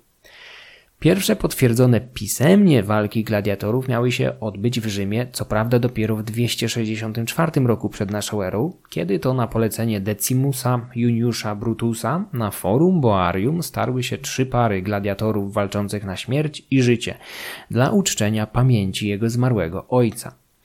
Nie można jednak wykluczyć, że podobne pojedynki miały już miejsce wcześniej. Nie zostały jednak zanotowane. Możliwe jest także, że walki gladiatorów dotarły do Rzymu z kampanii, gdzie odbywały się na długo przed 264 przed naszą erą. Kolejną etruską tradycją przeniesioną na rzymski grunt miał być zwyczaj odbywania triumfu po zwycięstwie militarnym. Za czasów królestwa prawo do odbycia triumfu przysługiwało jedynie królowi, który ciągnął przez miasto jadąc w rydwanie na czele swoich wojsk, aby złożyć dziękczynne ofiary Jowiszowi. Twarz króla malowano na czerwono, przebierano go również w purpurową togę triumfalną, tak zwaną toga picta. Sam triumf miał na celu rytualne oczyszczenie wojska wracającego z pola bitwy. Tarkwiniusz Stary miał rządzić przez niemal cztery dekady, aż do 578 przed naszą erą. Wtedy to zginął zamordowany przez odsuniętych od dziedziczenia władzy synów Ankusa Marcjusza. Jeśli brać Liwiusza na poważnie, mężczyźni musieliby mieć w tym momencie ponad 40, a być może nawet 50 lat, co nasuwa poważne wątpliwości do datowania panowania Tarkwiniusza bądź łączenia jego zamachowców z synami zmarłego dziesiątki lat wcześniej, Ankusa. Mieli oni nasłać na króla morderców, którzy dostali się na audiencję, pragnąc przedstawić mu spór do rozsądzenia. W trakcie posłuchania jeden z nich ugodził władcę toporem w głowie, zabijając go na miejscu. Przytomna małżonka króla, Tanakwil, zdołała jednak na kilka dni ukryć zwłoki, przekonując wszystkich, że król ciągle żyje, ale jest ciężko ranny. Tymczasowo władzę przekazał na ręce przybranego syna, Serwiusza Tuliusza, który miał go zastąpić, dopóki nie odzyska pełni sił. Naturalnie nigdy to nie nastąpiło, ale podczas kilku dni, jakie upłynęły zanim oficjalnie ogłoszono zgon Tarkwiniusza, Serwiusz zdołał przekonać najważniejsze postaci w mieście do przekazania mu władzy. Kim był Serwiusz Tuliusz? Dionizjusz z Halikarnasu określił go jako cudzoziemca i apatrydę, czyli bezpaństwowca. Liwiusz uważał go za syna niewolnicy z wysokiego rodu, Okrezji, która miała zostać pojmana przez Rzymian podczas jednej z licznych wojen Tarkwiniusza Starego. Chłopiec miał znaleźć się na dworze Tarkwiniuszy, gdzie prędko wybił się ponad status jeńca. Samo zresztą imię Serwiusz wywodzono później od słowa servus, sługa. Pomogły mu w tym nadprzyrodzone znaki zsyłane przez bogów. Pewnego razu małżonka władcy, Tanakwil, miała zauważyć płomienie ognia otaczające głowę śpiącego Serwiusza, nie czyniąc mu jednak krzywdy. Znająca się na wróżbach kobieta zabroniła gasić ogień. Przeczuwała, że ten znak jest dowodem na oszałamiającą przyszłość chłopca. Kazała go uwolnić i wychowywać jak własne dziecko, licząc, że kiedyś stanie się on obrońcą jej rodu. Według tradycji Serwiusz spełnił pokładane w nim nadzieje, zapobiegając powrotowi do władzy wydziedziczonych synów Ankusa. Problem z tym, że w przypadku szóstego króla Rzymu dysponujemy liczniejszymi przekazami, które każą nam spojrzeć na tę postać z innej strony. Cesarz Klaudiusz, będący jedną z ostatnich osób znających język etruski, był swego czasu autorem wielotomowej, zaginionej niestety historii tego ludu. Można go więc uważać za pewien autorytet w tej dziedzinie. Podczas wystąpienia przed Senatem wuj Caliguli pragnął przekonać czcigodnych senatorów do dopuszczenia garstki arystokratów z Galii do ich grona. Jako argumentu użył odniesienia do dawnej, otwartej i tolerancyjnej polityki, jaką wobec obcych uprawiać mieli pierwsi Rzymianie, którzy mieli wielu władców spoza swojego narodu, a na swojego szóstego króla wybrali związanego z Etruskami wodza Mastarne, zwanego później Serwiuszem Tulliuszem. Klaudiusz powoływał się na tradycję etruską, wedle której Mastarna był towarzyszem dwóch słynnych etruskich braci, książąt miasta Vulci, Celiusza i Aulusa Vibennów, kondotierów, których najemne oddziały maszerowały i walczyły na polach Etrurii oraz Lacjum. Po odmianie losu, czyli zapewne klęsce Wibenny, Mastarna miał zabrać część jego armii i udać się do Rzymu, gdzie zajął jedną ze wzgórz, nazywając je od imienia swojego wodza Celius. Do dzisiaj wzgórze to nosi taką nazwę. Mastarna miał z czasem dojść do porozumienia z Rzymianami, którzy w dowód uznania dla jego zalet i obrotności mianowali go swoim szóstym królem. Samo imię Mastarna jest zdaniem Jacques'a Ergona zniekształconym słowem magisterna, etruskim tytułem oznaczającym po prostu generała, wodza armii. Widzimy więc, że historia znana z tradycji Liwiusza przybiera niespodziewany obrót, a to dopiero początek rewelacji o relacjach Mastarny z Rzymianami. W 1857 roku w dawnej etruskiej nekropolii w mieście Vulci odkryto bogato zdobiony freskami grób komorowy, zwany grobowcem François, od nazwiska jednego z odkrywców, Alessandro François. Najsłynniejsze z fresków odkrytych w miejscu pochówku pochodziły z końca IV wieku przed naszą erą. Część z nich przedstawia sceny z wojny trojańskiej, ale po przeciwległej stronie zachowało się przedstawienie lokalnych legend związanych z postacią Celiusza Wibenny oraz jego towarzyszy.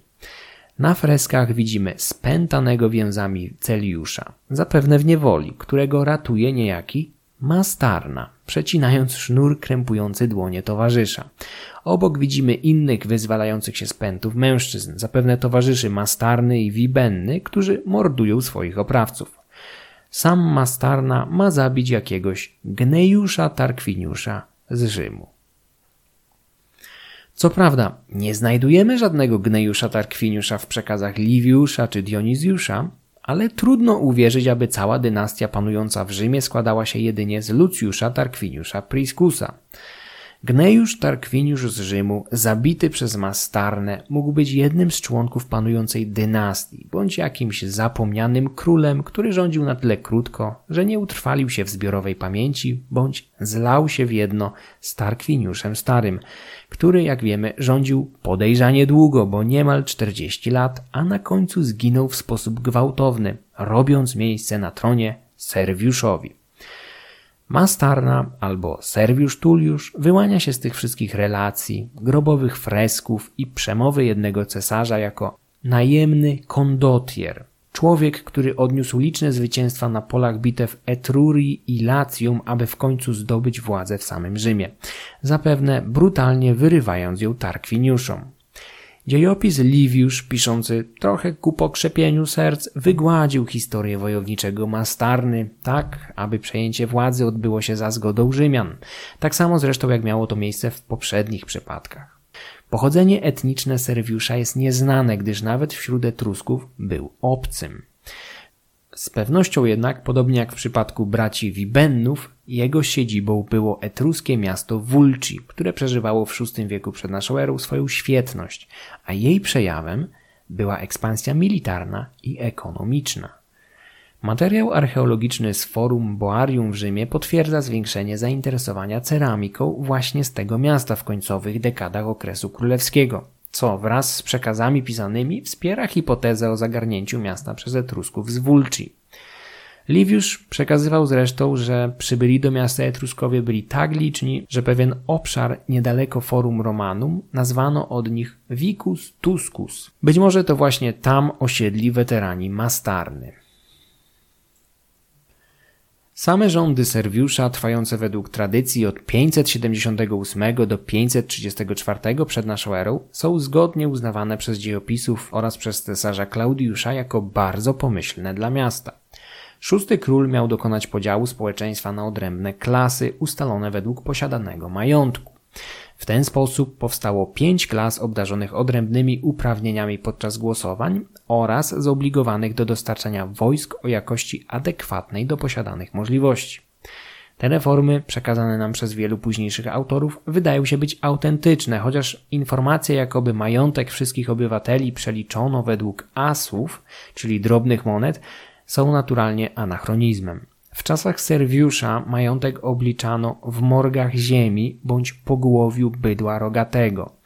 Pieniądz jako powszechny środek wymiany towarowej pojawi się w Rzymie dopiero w czasie wojen z Pyrrusem lub I wojny punickiej. Reformy Serwiusza mogą też świadczyć o reorganizacji armii rzymskiej na wzór wojsk etruskich, walczących wówczas w formacji przypominającej greckich hoplitów, wspomaganych przez oddziały jazdy i lekkozbrojnych. Król miał otoczyć miasto wałami, tak zwanymi murami serwiańskimi. Chociaż dzięki pracom archeologów wiemy, że większość z nich składała się co najwyżej z fosy i wału ziemnego.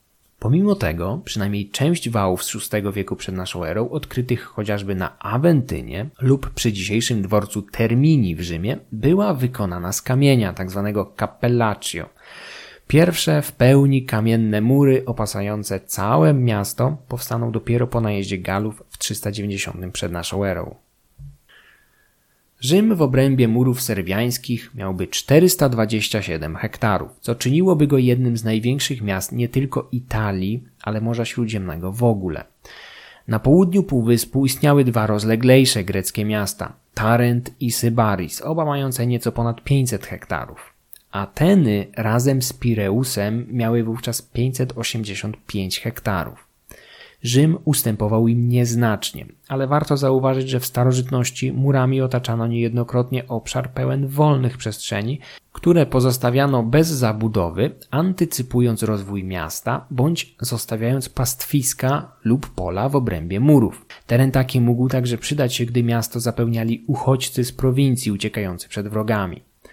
Liviusz podaje, że Serwiusz dokonał pierwszego spisu ludności, podczas którego okazało się, że miasto dysponuje 80 tysiącami mężczyzn zdolnych do noszenia broni, co jest na pewno grubą przesadą. Nawet inni autorzy antyczni sugerowali, że te 80 tysięcy oznaczało zapewne całą populację i to nie samego miasta, ale także terenów przyległych. Nie jesteśmy w stanie określić nawet w przybliżeniu realnej populacji Rzymu w VI wieku przed naszą erą. Archeologia dowodzi jednak niezbicie, że miasto weszło wówczas na ścieżkę gwałtownego wzrostu, który przyhamuje dopiero w kolejnym stuleciu. Najczęściej przyjmuje się, że w mieście mogło żyć 20 do 30 tysięcy ludzi, a poza nim kolejne kilkanaście, kilkadziesiąt tysięcy na jego obrzeżach oraz w koloniach. 80 tysięcy dla całego państwa jest jak najbardziej możliwe, chociaż wydaje się dziwne, że Podczas spisu powszechnego notowano także dzieci oraz kobiety, co nie było wówczas powszechną praktyką.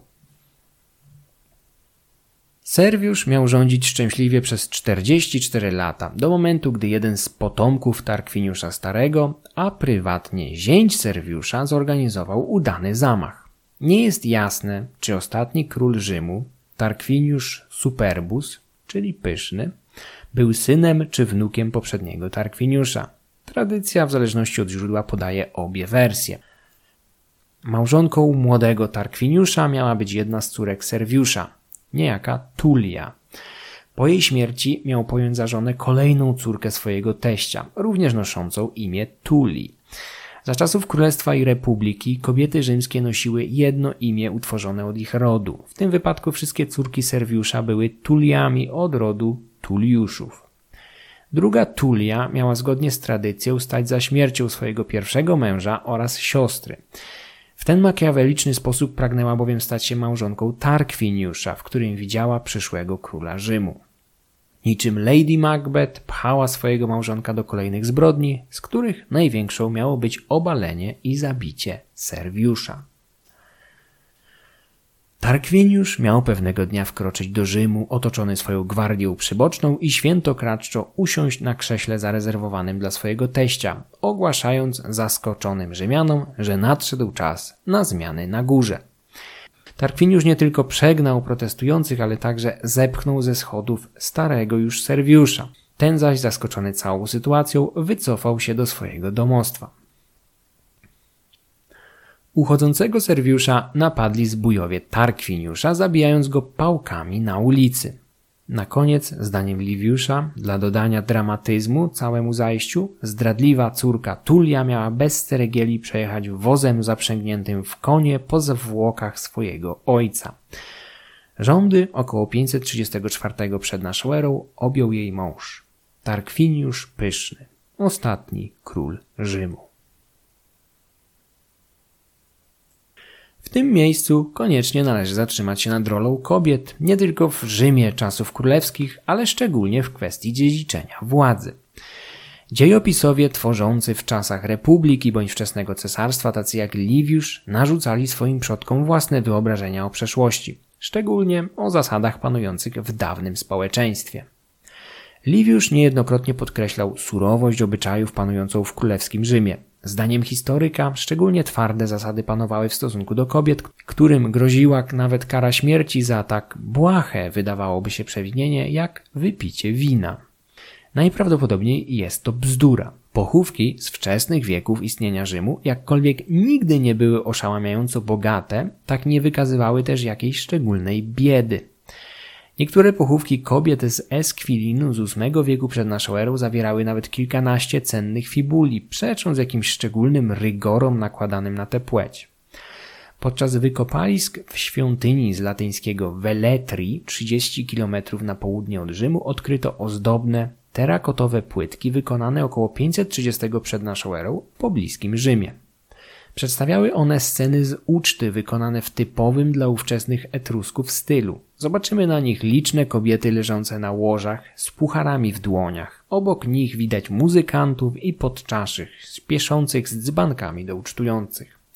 Nie jest to naturalnie niezbity dowód na potwierdzenie dość wysokiego statusu kobiet w mieście nad Tybrem, ale wydaje się, że jest bliższy rzeczywistości od późniejszych legend Liviusza, pisanych w czasach Oktawiana Augusta, a więc pod dyktando jego mocno konserwatywnej polityki społecznej. Oczywiście nie należy też przedstawiać stosunków społecznych pierwszych Rzymian w zbyt różowych barwach. Społeczeństwo dzieliło się na rody, czyli gens, które z kolei dzieliły się na mniejsze komórki społeczne, familie. Na czele każdej familii stał najstarszy mężczyzna, głowa rodziny, pater familie, dysponujący władzą absolutną wobec swoich dzieci, niewolników, małżonki i wyzwoleńców.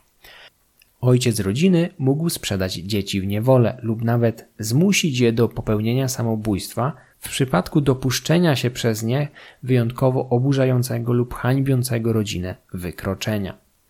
Prawem ręki, czyli manus, określano absolutną władzę, jaką mąż roztaczał nad żoną. W praktyce jednak władzę ojca rodziny ograniczali inni męscy członkowie familii, z których rady powinien korzystać podczas wydawania wyroków. Tanakwil i Tulia są dwiema bardzo rzadkimi, wyrazistymi i zwłaszcza w przypadku tej drugiej negatywnymi przykładami postaci kobiecych w rzymskim dziejopisarstwie. Kolejną utrzymaną w tym tonie będzie dopiero Livia, żona Oktawiana Augusta. Historycy tacy jak Guy Bradley wysuwają hipotezy o matrylinearnym dziedziczeniu władzy w pierwotnym Rzymie, o czym świadczą przykłady niektórych z pierwszych królów. Numa jest w końcu zięciem Tytusa Tacjusza, Tarkwiniusz Pyszny zaś Serwiusza Tulliusza. Dziedziczenie władzy w ten sposób nie było z pewnością najpopularniejszym rozwiązaniem w historii ludzkości, ale zdarzało się niejednokrotnie. Mamy wystarczająco dużo poszlak, aby sądzić, że o ile władzę królewską w dawnym Rzymie sprawowali wyłącznie mężczyźni, to jednak rola kobiet w procesie ich obwoływania była co najmniej istotna. Stąd może się brać też wspomnienie znaczących, choć z pewnością nieco przerysowanych kobiet jak Tanakwil czy Tulia. Znaczenie, którego Liviusz sam już nie rozumiał, gdyż żył w społeczeństwie skrajnie odmiennym. Rzym królewski dzieliło od czasów Liviusza nie tylko pięć stuleci, ale także przepaść mentalna. Każdy po Romulusie król Rzymian jest dowodem na wysoką mobilność ówczesnych elit, którym bliżej do czasów homeryckich bohaterów aniżeli Liviusza, pomimo że od jednych i drugich dzieli ich podobny odstęp czasu. Władzę przekazywano w ręce kogoś, kogo Rzymianie późnej republiki uważaliby za outsiderów. Etrusków, Sabinów, Latynów czy apatrydów pokroju Mastarny. Do tego w procesie tym duże znaczenie mogły mieć jeszcze kobiety. O tempora, o mores, co za czasy, co za obyczaje. Rzym jako młode, multietniczne i otwarte miasto pogranicza, akceptujące mobilność społeczną, skończy się wraz z nadejściem republiki, która narzuca surowsze reguły swoim obywatelom. Warto jeszcze zaznaczyć, że nie mamy żadnych poważnych dowodów na istnienie surowo oddzielonych warstw plebsu i patrycjatu pod rządami królów. Oczywiście istniała jakaś arystokracja i biedota, ale nie były one jeszcze odseparowane od siebie oraz od cudzoziemców tak restrykcyjnymi regułami jak podczas późniejszej republiki. Tarkwiniusz Pyszny zapisał się w rzymskiej tradycji jako postać jednostronnie zła, czarny charakter okresu królewskiego. Pomimo tego jego rządy były ważnym etapem wczesnej historii miasta. Przede wszystkim to właśnie Tarkwiniusz wielkim nakładem kosztów dokończył budowę największej świątyni nie tylko w mieście, ale w całej centralnej Italii. Świątyni Jowisza najlepszego, największego na Kapitolu. Sam budynek poświęcono tuż po wygnaniu króla w 509 przed naszą erą, ale to on odpowiadał za sfinansowanie konstrukcji. Przybytek Jowisza, czczonego razem z Junoną i Minerwą, skonstruowany rękami etruskich architektów, stał się wzorem dla wszystkich późniejszych świątyń rzymskich. Posąg Jowisza z terakoty sporządził słynny etruski artysta Wulka z Wejów. To właśnie ołtarz przed tą świątynią był celem każdego pochodu triumfalnego w późniejszej historii miasta, a sam przybytek odbudowywano po każdym niszczącym go pożarze. Monumentalna świątynia nie była jedynym dziełem Tarkwiniusza. Król zlecił także konstrukcję wspomnianego już wcześniej kanału odprowadzającego ścieki oraz nadmiar wody z forum, znanego do dzisiaj jako Cloaca Maxima. Wszystkie inwestycje króla wymagały nie tylko wielkiego nakładu środków zdobywanych podczas walk z sąsiadami, ale także przymusowej pracy obywateli, chociaż trudno odmówić racjonalności budowie odwodnienia dla podmokłego forum. Król miał także nabyć tzw. Tak księgi sybillińskie od tajemniczej Sybilli Skume. Kobieta przybyła do władcy, oferując mu dziewięć ksiąg zapisanych z przepowiedniami zapisanymi greckim heksametrem, które odpowiednio odczytane miały umożliwić mu poznanie przyszłości. Cena, jakiej zażądała za księgi, była jednak zbyt wysoka, więc król odmówił transakcji. Sybilla spaliła więc na jego oczach trzy z dziewięciu ksiąg i zaoferowała pozostałe za tę samą cenę co poprzednio. Król ponownie odmówił, a Sybilla spaliła kolejne trzy księgi. Za pozostałe trzy ponownie zażądała tej samej kwoty co za wcześniejsze dziewięć. Tarkwiniusz w tym momencie zrozumiał zapewne, że coś ważnego może przemknąć mu koło nosa, albo zwyczajnie ugiął się pod naciskiem sprawnej manipulatorki. Kupił pozostałe księgi, które później umieszczono w świątyni Jowisza, a jeszcze później na Palatynie. W kolejnych stuleciach Rzymianie będą niejednokrotnie na polecenie Senatu zasięgać rady ksiąg w najtrudniejszych dla miasta momentach, np. podczas inwazji Hannibala i po klęsce pod Kannami. Księgi, a raczej ich kopie, które przetrwały kilka stuleci, ostatecznie spalono około 400 roku naszej ery na rozkaz Stylichona jako pogański przeżytek. Do upadku króla miała jednak według tradycji, albo raczej propagandy, doprowadzić bezgraniczna pycha, okrucieństwo oraz bezkarność zarówno jego samego, jak i jego potomków. Tarkwiniusz zapytany kiedyś przez jednego z synów, Sextusa, jak ma rządzić w podległym sobie mieście Gabi, leżącym na wschodnich przedmieściach dzisiejszego Rzymu, miał otrzymać od ojca charakterystyczną odpowiedź. Król, będący wówczas w swoim ogrodzie, miał podejść do rosnących w nim maków i uderzając berłem w najwyższe makówki, ścinać je. Sextus zrozumiał od razu przesłanie ojca. Aby utrzymać się u władzy w Gabi, usuwał więc najwybitniejszych mieszkańców miasta. Bezpośredni upadek króla i zarazem całej dynastii miał nastąpić w wyniku bezmyślnego gwałtu, jakiego dopuścił się Sextus Tarquinius na Lukrecji, małżonce swojego krewnego, Lucjusza Tarquiniusza Kollatyna. Kobieta przedstawiana przez Liviusza jako ideał rzymskich cnót niewieścich, czyli taka, która życie spędzała przy krosnach i wina nie piła, miała popełnić w następstwie zajścia samobójstwo.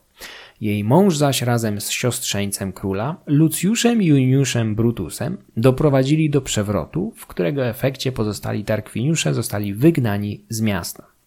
Brutus i Kolatyn ogłosili narodziny republiki, a sami zostali jej pierwszymi konsulami. Nie na długo jednak. Kolatyn bowiem, pomimo swoich zasług w obaleniu monarchii, ciągle budził podejrzenia z racji swojego pochodzenia. Liviusz odmalowuje przed nami pełną uniesień scenę, w której Brutus razem z pozostałymi senatorami i mieszkańcami Rzymu ze łzami w oczach usilnie proszą Kollatyna o udanie się na wygnanie z miasta w ramach gestu dobrej woli, na co tamten niechętnie przystaje, żegnany brawami i wdzięcznością rodaków. Cyceron wspomniał w swoich pismach o tym zajściu, powołując się na mniej przychylną dla Rzymian i Brutusa tradycję. Według niej męża Lukrecji, Tarkwiniusza Kollatyna, wygnano z miasta przemocą razem z wszystkimi pozostałymi członkami rodziny i krewnymi z rodu Tarkwiniuszy podczas walki o władzę tuż po ustanowieniu republiki. Co stało się zaś z samym królem Tarkwiniuszem? Po wygnaniu, jakie według tradycji miało miejsce w 510 lub 509 przed naszą erą, starał się jeszcze odzyskać władzę. W tym celu nawiązał sojusz z królem etruskiego miasta Clusium, Larsem Porseno, który około 504 przed naszą erą miał najechać Rzym. Gdybyśmy uwierzyć mieli Liviuszowi, Lars Porsenna zdołał zająć jedynie Janikulum leżące na przeciwległym brzegu Tybru, samo zaś miasto obronili dzielni mieszkańcy prowadzeni przez herosów bez skazy w postaci Horacjusza, Koklesa i Mucjusza z Cewoli. Król Clusium miał odstąpić od Rzymu, uznając bohaterstwo jego mieszkańców. Taką wersję przekazuje nam Liviusz i niemal na pewno jest ona kłamstwem, albo co najmniej wygładzeniem zdarzeń rzeczywistych. W rzymskiej historiografii, chociażby u Tacyta, spotykamy się bowiem z informacją, że Lars Porsenna zdobył Rzym i narzucił jego mieszkańcom ciężkie warunki pokojowe, w ramach których żelaza mieli używać jedynie na roli. Innymi słowy, musieli złożyć broń i ogłosić coś na kształt neutralności. Porsenna w końcu jednak opuścił miasto nad Tybrem, prawdopodobnie około 504 roku przed naszą erą i czasami można spotkać się z wersją, w której to właśnie w tym roku ostatecznie powstała republika.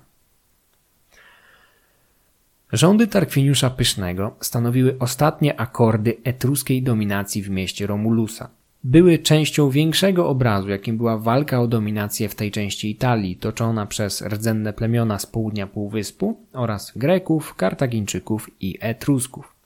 Około 535 przed naszą erą, w efekcie wielkiej jak na owe czasy bitwy morskiej pod Alalią u wybrzeży Korsyki, flota etrusko-kartagińska zdołała wyprzeć z tego rejonu greckich Fokejczyków.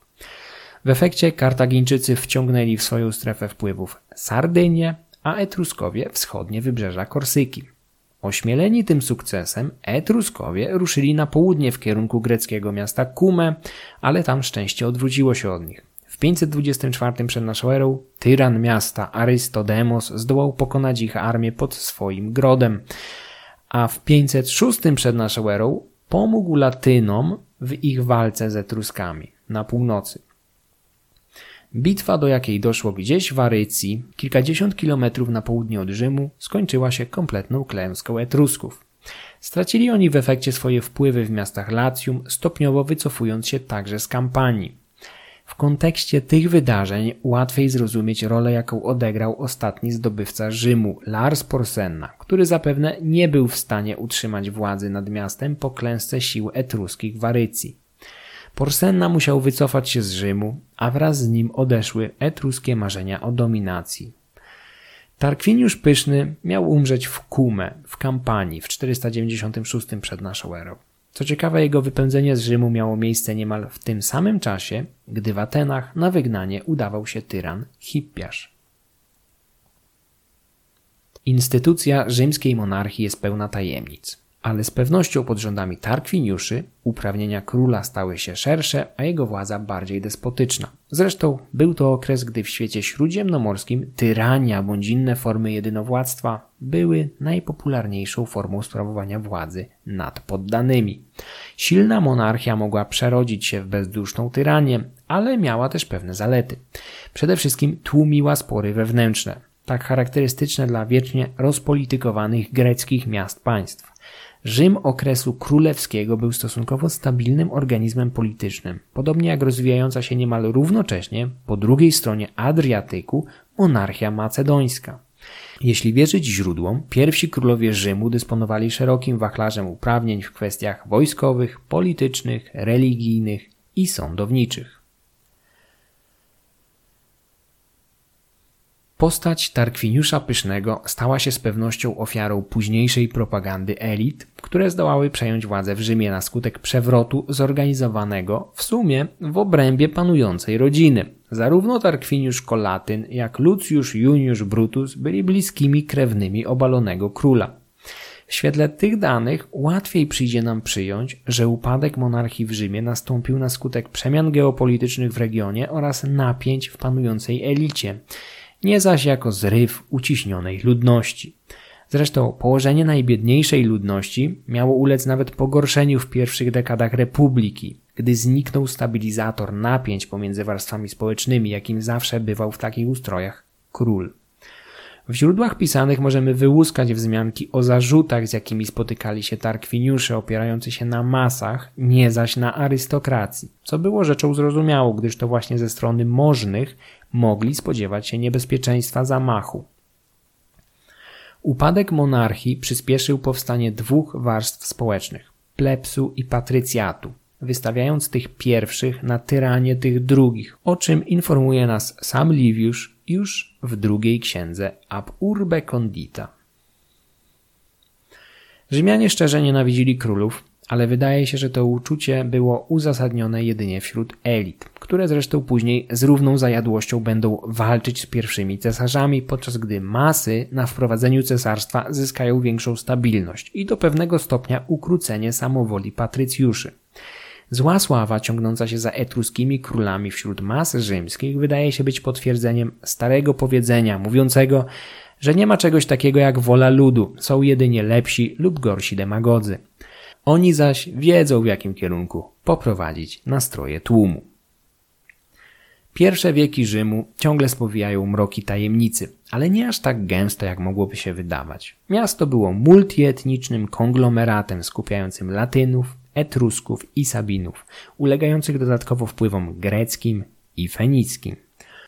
Jego mieszkańcy wykorzystali do szybkiego wzrostu osady bardzo dobre położenie na przecięciu szlaków handlowych i komunikacyjnych. Ślady intensywnej urbanizacji pochodzą co najmniej z VII wieku przed naszą erą i wydają się być mocno związane z ekspansją Etrusków. Źródła pisane niosą w sobie echa odległej przeszłości, chociaż mocno zniekształconej i na przykład jak u Liviusza wygładzonej. Pierwsze wieki historii miasta były znacznie bardziej chaotyczne, a sami Rzymianie często byli przedmiotem, nie zaś podmiotem w relacjach z sąsiadami. Z pewnością królów było więcej aniżeli siedmiu, czy nawet ośmiu, jeżeli uwzględnimy Tytusa Dacjusza. Miasto przynajmniej kilkukrotnie ulegało napaści wodzów takich jak Mastarna, który został szóstym królem Serwiuszem Tulliuszem, czy Lars Porsenna, który zdobył je w ostatniej dekadzie VI wieku przed naszą erą. Wygnanie królów z dynastii Tarkwiniuszy wcale nie poprawiło losu mieszkańców, o czym świadczy zahamowanie wzrostu miasta w kolejnym stuleciu. Wypędzenie ostatniego króla pozbawiło Rzymian silnych sojuszy, narażając też nowe miasto na liczne najazdy odwetowe oraz walki z sąsiadami, zwłaszcza etruskimi. Między bajki należy także włożyć legendy o rzymskiej wyjątkowości, izolacjonizmie i surowości obyczajów, tak chwalonych przez Katona czy Liviusza. Wczesny Rzym nie odbiegał szczególnie od innych miast italskich. Treść przygotował i przeczytał Michał Kuźniar. Wszystkie wykorzystane źródła znajdziecie w opisie odcinka oraz w filmie na YouTube. Podcast Mroczne Wieki można wspierać na patronite.pl łamane na Mroczne Wieki. Serdecznie dziękuję wszystkim patronom. Filmy będące ekranizacją audycji można oglądać i komentować na YouTube, do czego wszystkich serdecznie zachęcam.